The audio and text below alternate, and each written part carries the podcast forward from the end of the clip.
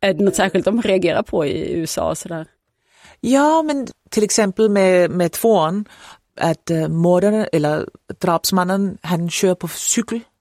Det är ju så, ja, en cyklande mördare, det är så konstigt. Det som en lådcykel. Ja, en låd, ja precis.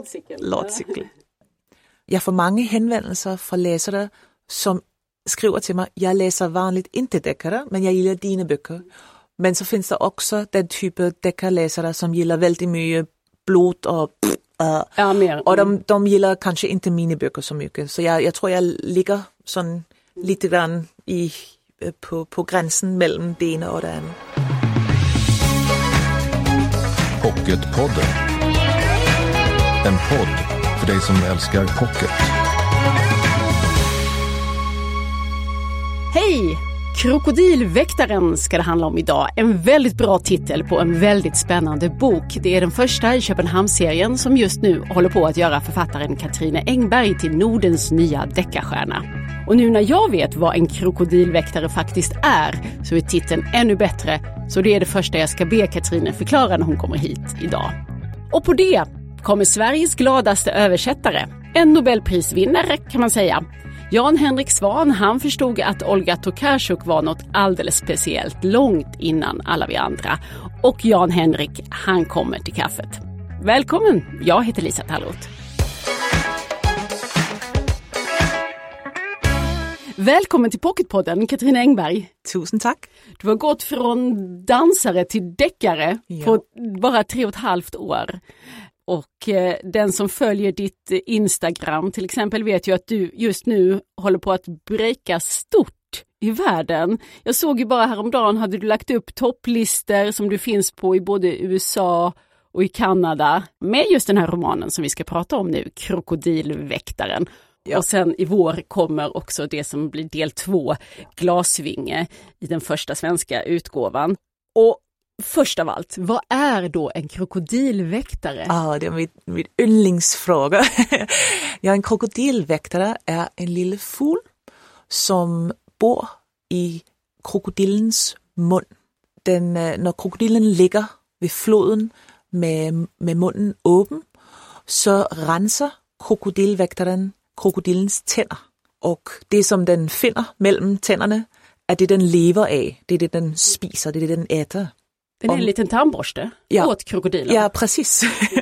och om den gör sitt jobb bra blir den inte ätet av krokodilen. Men om den gör någon, någonting fel så ser det, Ja. ja, Snacka om att leva farligt. ja precis. Och det här bild, den här symbiosen, den, eh, den har en betydning för, för boken. Ja, absolut. Det är ju en eh, bild du använder. Det, det utspelar sig inte vid en flodbank, den här boken. det finns ingen krokodiler i krokodilväktaren.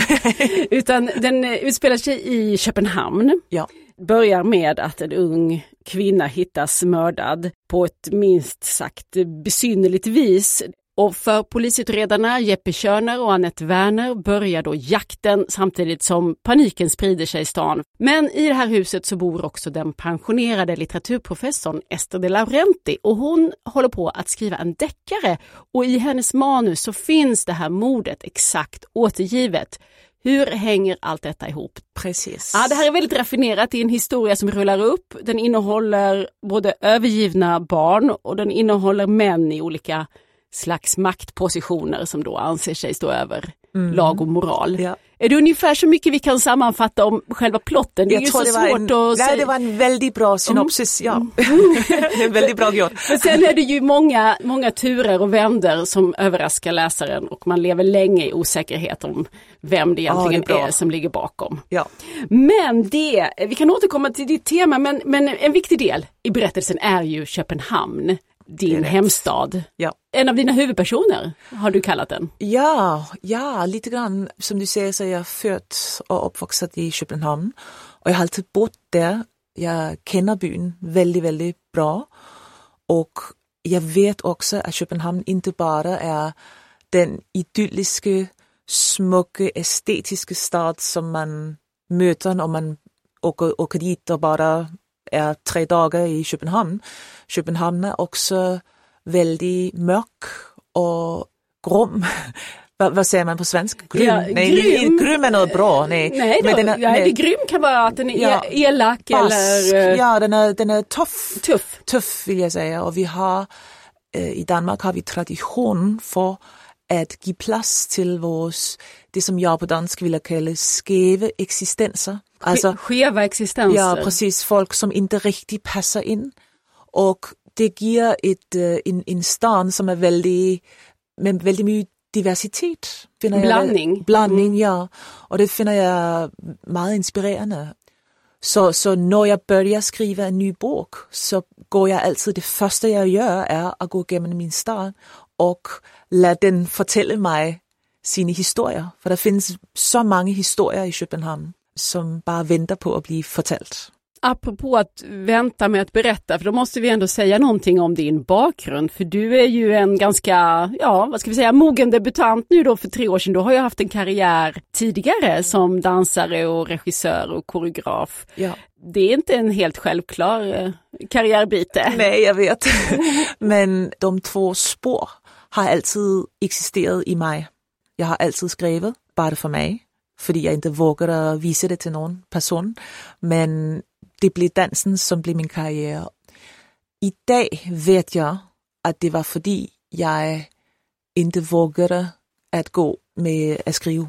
För det har alltid varit mitt språk och jag älskar att dansa, det gör jag fortfarande.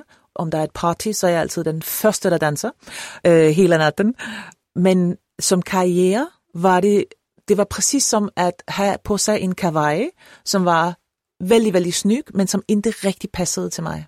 Jag gillade inte att uppträda på teatret Ah. och det var väldigt jobbigt för mig att hitta på koreografi. Jag tänkte, jag kunde se för mig vad scenen skulle handla om.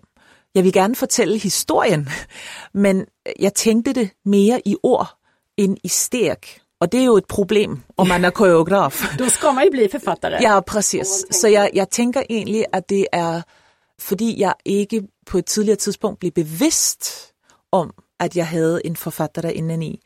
Det, det ögonblick jag visade min text till någon, det var min man, och han, og han, han responderede positivt, så vågade jag, jeg at gå vidare med det. Och det sekund Krokodilväktaren udkom i Danmark, der visste jag att nu har jag hittat den kavaj som passar till mig. Den är inte lika øh, sparkly som øh, danskavajen, men det är min kavaj och den ska jag, jag ska, den ska jag ha på resten av mitt liv. Du hade ju fina stora uppdrag, du jobbade med Eurovision Ja. och danska melodifestivalen Ja. och så. så att, Men det gjorde det faktiskt bara svårare. För som jag säger, det var en väldigt snygg kavaj och folk såg på den och sa till mig, åh, vad du heldig, åh, du har den mest fantastiska karriären. Och jag var inte glad. Jag följde mig, jag kände mig som en bedragare. Hur, hur säger man? på- En bedragare. Ja, bedragare. Du var Fordi inte det, det, känd, det kändes som om det var min väg. Och det var det heller, heller inte. Det var... På dansk säger man att jag landat på min riktiga hylla. Och øh, när man gör, ja. landat på din rätta hylla. Ja, och eh, jag känner mig så mycket eh, mer tillfreds. Och nu har jag så oven i köpet tur att sälja böcker och folk har lust att läsa dem. Det är ju fantastiskt. Ja, Ja, det som verkligen har, har fått dina böcker att flyga, nu är det lite min gissning här, men det tror jag är dina karaktärer och dina skildringar av Köpenhamn. Ja. Och då, förutom Köpenhamns i huvudrollen så har vi ju också två poliser, Jeppe och Annette. Jag hörde dig säga, om du hade varit man så hade du velat vara som Jeppe och om du hade kunnat hade du varit som Annette. Ja. något, något sånt. Det, är, sånt, det är ja. någon slags förlängning Ja, av precis. dig, dessa två karaktärer. Och vad är det då för, för typer? ja, man kan säga som författare skriver man ju alltid om det man, man känner bra. Och äh, Jeppe är äh, väldigt känslig. Han är äh, en, der tvivlar. Alltså han, han, han är existentialist. Han blir lätt förälskad, men också meget lätt sårad. Klar, han har ett tufft jobb, så han kan också vara tuff. Men jag ville gärna med honom göra en modern man. En sak som du gjorde som jag tycker är väldigt effektiv för att ta ner honom på jorden, det är att du har gett honom en hemsk frisyr. Ja, jag vet. Kan du beskriva den här frisyren? ja, men han, är, han har blonderat sitt uh, mörka hår. så han har blivit, ja det ser hemskt ut. Ja. men det är väldigt bra, det är väldigt effektivt uh, ja. för att göra honom mänsklig tycker ja. jag. Ja, det jag finns så mycket också... vackra människor ändå i fiktionen. Ja precis, ja de, de må inte vara för vackra, det gillar jag inte. Och jag ville också att Annette uh, till exempel, hon är lite äldre än Jeppe. Hon är en, också en mogen kvinna och hon är lite uh, kräftig hon är inte super skinny och äh, den tredje protagonist, jag är säker på att vi också ska prata om henne. Mm. Ester. Ester. Hon är en äldre dam, hon är 68 och äh, pensionerad äh, professor i litteratur. Så jag, när, jag, när jag skriver så är det många olika människor som liksom tränger sig på och kommer in i universet mm. och det, det gillar jag. Så precis, utöver de två poliserna så har vi ju då också Ester. Hon är ju en helt underbar eh, figur, en pensionerad eh, ja. akademiker som lever i, den här, i det här huset där allting utspelar sig. Ja. Hon har sin totalt röriga lägenhet där full av böcker och mopsar ja. och eh, ganska mycket rödvinsboxar som står. Ja, hon dricker lite för mycket rödvin. Ja. Och hon då eh, rör sig i den här eh, kulturella världen och vi har även en del av eh, dramat som utspelar sig på Det Kungliga Teater. Så visst är det lite av din gamla värld ändå som, och kanske din bakgrund som, eh, ja. som smyger sig in här i berättelserna? Ja, ja det, det, jag har bott de sista 20 åren mitt liv på teatret så uh, självklart det, det kommer att, liksom, uh, att blanda sig. Ja. Och nu i den kommande boken har du jobb, då är vi i sjukhuskorridorer, det handlar om psykiatri. Varför var det ett ämne som du ville skriva om? Vi hade i Danmark för fem år sedan en uh, sygeplejerska. En sjuksköterska? Som tog livet av sina patienter. Och det är tyvärr en väldigt klassisk, det finns alltid, det händer ibland, det händer ibland ja, i alla länder. Och jag, jag följde den här rättssak och läste om den här sjuksköterskan. och jag tyckte det var så, jag blev förbannad, men jag blev också eh, fascinerad av att den här personen som var ansatt till att passa på sina patienter, hon vände det om och tog livet av den utan någon som helst form för motiv. Det var inte för att tjäna pengar, det var inte för att hämna sig, det var bara Leka Gud. Precis. Spänning kanske var det irriterande och hon ville bara bli av med dem. Kanske var det också mercy, alltså för de var i, i smärta. Och, ja. Så, så det, jag fann den här problemställningen så intressant att jag fick lust till att, att gå in i den här världen av folk, der passer på och folk, der har brug for hjælp. Og ligesom prøve at udfordre vem är den starke och vem är den svage? Och det är faktiskt också därför att boken heter Glasvinge, för en glasvinge är en fjäril. Nej, just, just, just det, en, en sommarfugl, sommarfugl på ja. dansk. En fjäril som är helt genom, genomsiktig. Så den ser meget skrøbelig ud og meget fin. Men glasvinge, den lever av en planta som heter natjasmin, som är giftig och den lagrar giften i sin kropp. Så om den blir attackerad av en fågel så dödar det fågeln. Mm. Och det här bild på att den som man tror är svag och skröplig kan vara den allra farligaste. vilka, ja, vilka bra ja. bilder du har ja. hittat, både krokodilväktaren och glasvinge. Ja. Mycket bra, mycket bra titlar. Och nu eh, finns ju Köpenhamnsserien här i Sverige. Den ja. första delen har vi aktuellt som pocket, Krokodilväktaren Glasvinge kommer i vår och sen ska det väl bli en tredje del också ja. som du ja, precis. Den är kommer... klar med i, och finns ute i Danmark? Den, den, den är precis uh, gitt ut i Danmark, ja. Och den heter? Ja, på dansk heter den Vådeskud. Vådaskott. Vådaskott, ja vi får se. Du hittar inget litet djur som... Eh, nej, nej. nej inte dyr den här gången. Nej. Vad roligt att du kom hit. Tack, tack så mycket Katrine Engberg. Tack. Pocketpodden. Nobelpristagaren Olga Tokarczuk, hon brukar ju hylla sina översättare, hon kallar dem för älvor som överför information, bilder och betydelser. Och nu sitter en av dessa älvor här. Välkommen Jan-Henrik Svan. Tack. Du har ju översatt Olga Tokarczuk till svenska och tycker jag mig förstå också har en del i detta Nobelpris som hon fick. Känner du att du har en liten del i den här medaljen? Ja, det gör jag ju faktiskt. Att, eh, det, det känns lite som Davids kamp mot Goliat. Att jag tillsammans med ett litet förlag år efter år, i snart 20 år då, har översatt en författare, en och samma. Och hon har fått läsare, det fick hon från, från redan vid, efter första boken. Men de har inte varit sådär väldigt många, en liten hängiven skara. Och det har också varit svårt ekonomiskt. Alltså tänk dig bara att ge ut en, en roman som Jakobsböckerna på tusen sidor och så kanske inte har någon vidare likviditet och så ska man då plötsligt ska man betala både översättaren och så ska man betala tryckeriet och tryckeriet kanske inte har någon stor lust att vänta och så vidare. Så att det har ju varit ibland alltså lite sådana här lösa överenskommelser mellan oss, att jag, att jag får vänta lite på mina pengar och, och, och så. Det, det, vi har liksom känt att någon dag vänder det. Och det gjorde det ju också. Ja, men verkligen. det krävs något som ett, ett Nobelpris för att man ska bryta ner den här misstänksamheten. Och sen visar det sig ju nu att alla älskar henne. Och alla tycker att hennes romaner är jättelätta att läsa. Så vad, vad satt det? det? Det är en mental blockering som, som gör att, att, att, att man kanske inte alltid läser de författarskap som, som ändå finns tillgängliga.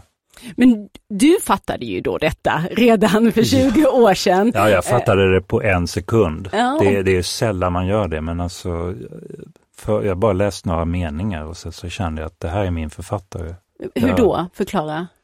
Ja, alltså jag kände att, att vi var uh, syskonsjälar. Alltså litterärt sett stod vi väldigt nära varandra. Du är ju eh, också författare, ska ja, vi säga, ja, utöver översättningen. Jo, -huh och det är klart att jag skriver inte som hon och hon skriver inte som jag, men det finns ändå någonting med perspektivet och omsorgen eh, om detaljer och, och modet att gå nära, riktigt nära. Hon går ju så nära så att hon skriver som om hon såg världen genom ett mikroskop ibland och ibland så är det, går hon långt ifrån för att få helheten och då är det drönarperspektivet mera liksom högt uppifrån.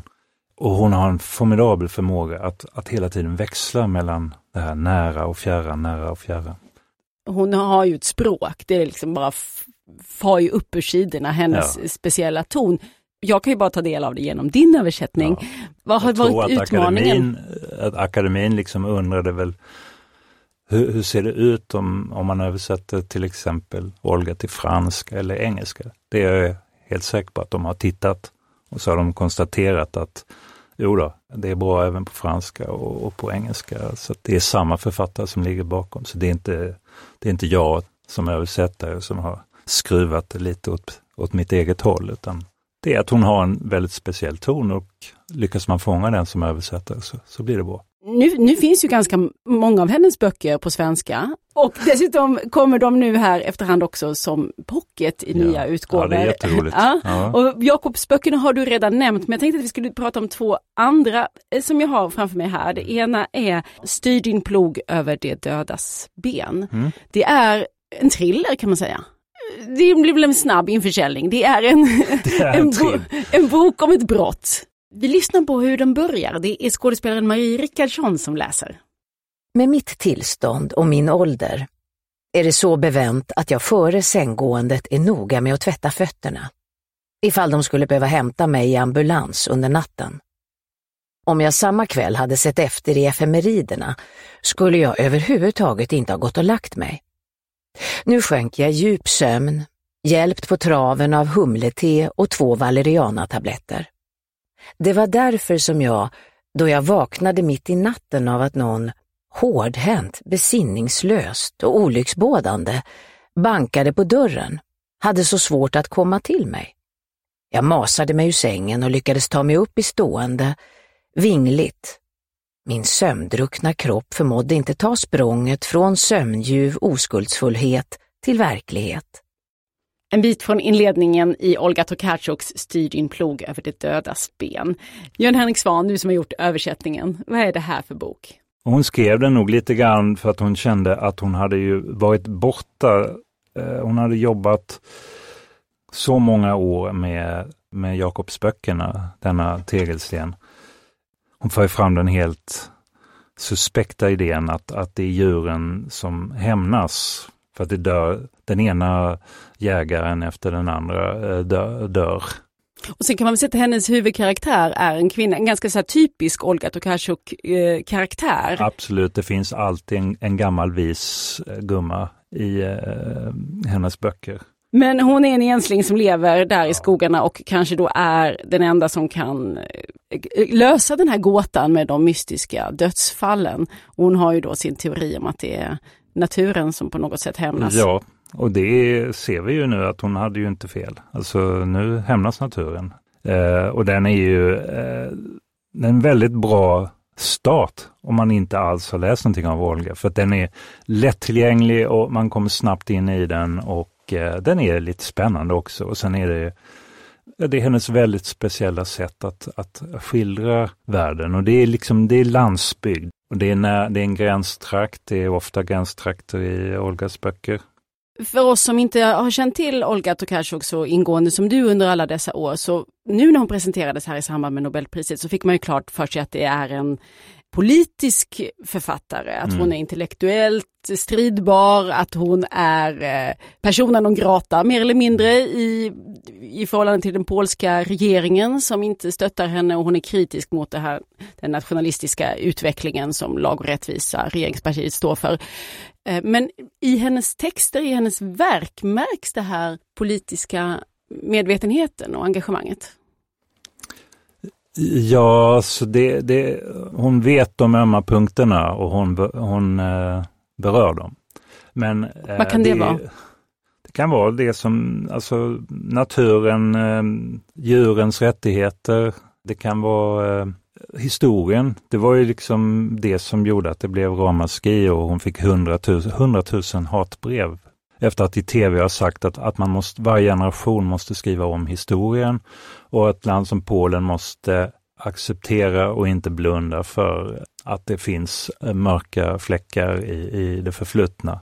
Det kan eh, handla om kolonialismen, det kan handla om, om eh, mördandet av, av judar eller, eller hon nämnde några olika exempel.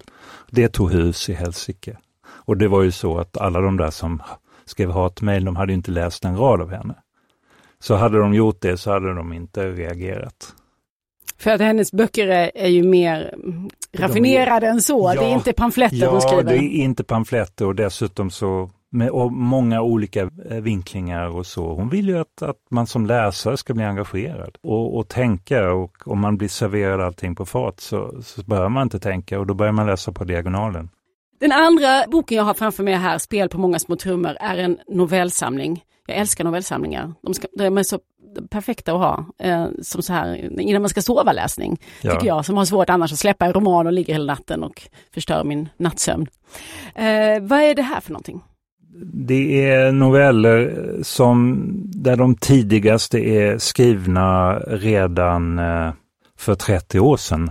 Hon debuterade ju väldigt ung, men hon hittar sin ton väldigt snabbt. Och jag tycker oerhört mycket om hennes noveller. Så att jag tycker den där boken är en pärla. Sen kan man ju säga att flera av hennes romaner, som Löpare och eh, Daghus natthus, de är väldigt novellistiska. Det, det är som noveller fast de, är, de ingår i en, i en större konstellation. Hon kallar dem till och med för konstellationsromaner. Att det är liksom, där hittar varje läsare sina egna berättelser, eller noveller om man så vill. Hon, hon, hennes romaner är ju, är ju, inte kronologiska utan de, de flyttar sig liksom i tid och rum fram och tillbaka, upp och ner hela tiden. Mm. Två exempel då på bra ingångar till hennes författarskap, Olga Tokarczuk, Spel på många små trummor och Styr din plog över det dödas ben. Nobelpriset är inte så många månader bort. Hur har ditt eh, liv förändrats av detta, Jan-Henrik? Ja, att, att det har ju betytt mycket för mig. Eh, jag känner att jag har fått ett annat självförtroende. jag bemöts på ett annat sätt än tidigare. Nu är jag plötsligt Nobelpristagare-översättaren. Det klingar lite bättre. Ja. Nästa gång du säger att det här är nog en författare att hålla ögonen på så kanske det ja, blir Ja, så kanske det. Jo, jo, lite men, man, snabbare man, gehör. Ja, exakt. Eh, har ni kontakt? Vi har kontakt fast inte just nu. Alltså, du sa innan att, att hon har varit persona non grata och det har hon verkligen varit. Man har motarbetat henne och, och det gjorde man in i det sista nu med Nobelfestligheten att när hon höll sin fina Nobelföreläsning så sändes inte den i statlig polsk tv, vilket är skandalöst. Eh, men sen så vi, här, här gjorde de en helomvändning och sen satte de, projicerade de hennes foto på president palatset så att det, det liksom täckte hela fasaden, fem våningar. Så det var ju gigantiskt och sen, sen dess har det bara fortsatt. Så nu kramar de sönder henne. Så nu har hon, eh, läste jag igår, att eh, hon drar sig undan all offentlighet och tackar nej till allt. För nu vill hon bara skriva på hemlig plats. Mm. Och då är inte du den som ringer och stör? Nej, det gör jag inte. Men då hoppas vi på att du snart då får ett nytt manus att uh, arbeta med. Mm. Uh, en, en ny uh, roman från Nobelpristagaren. Det händer ju att um, det blir tyst när det där priset har delats ut. Ja, alltså Wisława Szymborska när hon fick priset, om vi nu tar en ytterligare en polsk kvinna som har fått, så höll hon på att skriva en dikt när de meddelandet kom. Och den dikten skrev hon klart tre år senare. Så jag hoppas och ber att, att Olga som är ung och stark inte ska behöva vänta i tre år. Nej, men det finns mycket att läsa då än redan nu för den som inte har hunnit sätta sig in i det här författarskapet, Olga Tokarczuk. Tack så hemskt mycket för att du kom hit, Jan-Henrik ja, Svan. Översättare och författare själv också. Du vill också ha tid att skriva din egen roman. Ja, så att jag tycker att eh, Olga får gärna vänta en liten stund med att bli klar. Så att jag kan få jobba nu här under våren. Alla behöver lugn och ro. Ja. Nästa gång vi hörs här i Pocketpodden har jag med mig Ester Roxberg och vi ska prata om hennes bok Min pappa Ann-Kristin. Den är ju aktuell på bio nu med Rolf Lassgård i huvudrollen. Då heter den Min pappa Marianne. Detta blir det nästa gång. Tills dess hörs vi gärna i sociala medier. Där heter vi Älska Pocket och jag heter Lisa Tallot. Hej hej! Du har lyssnat på Pocketpodden. En podd från Bonnierförlagen.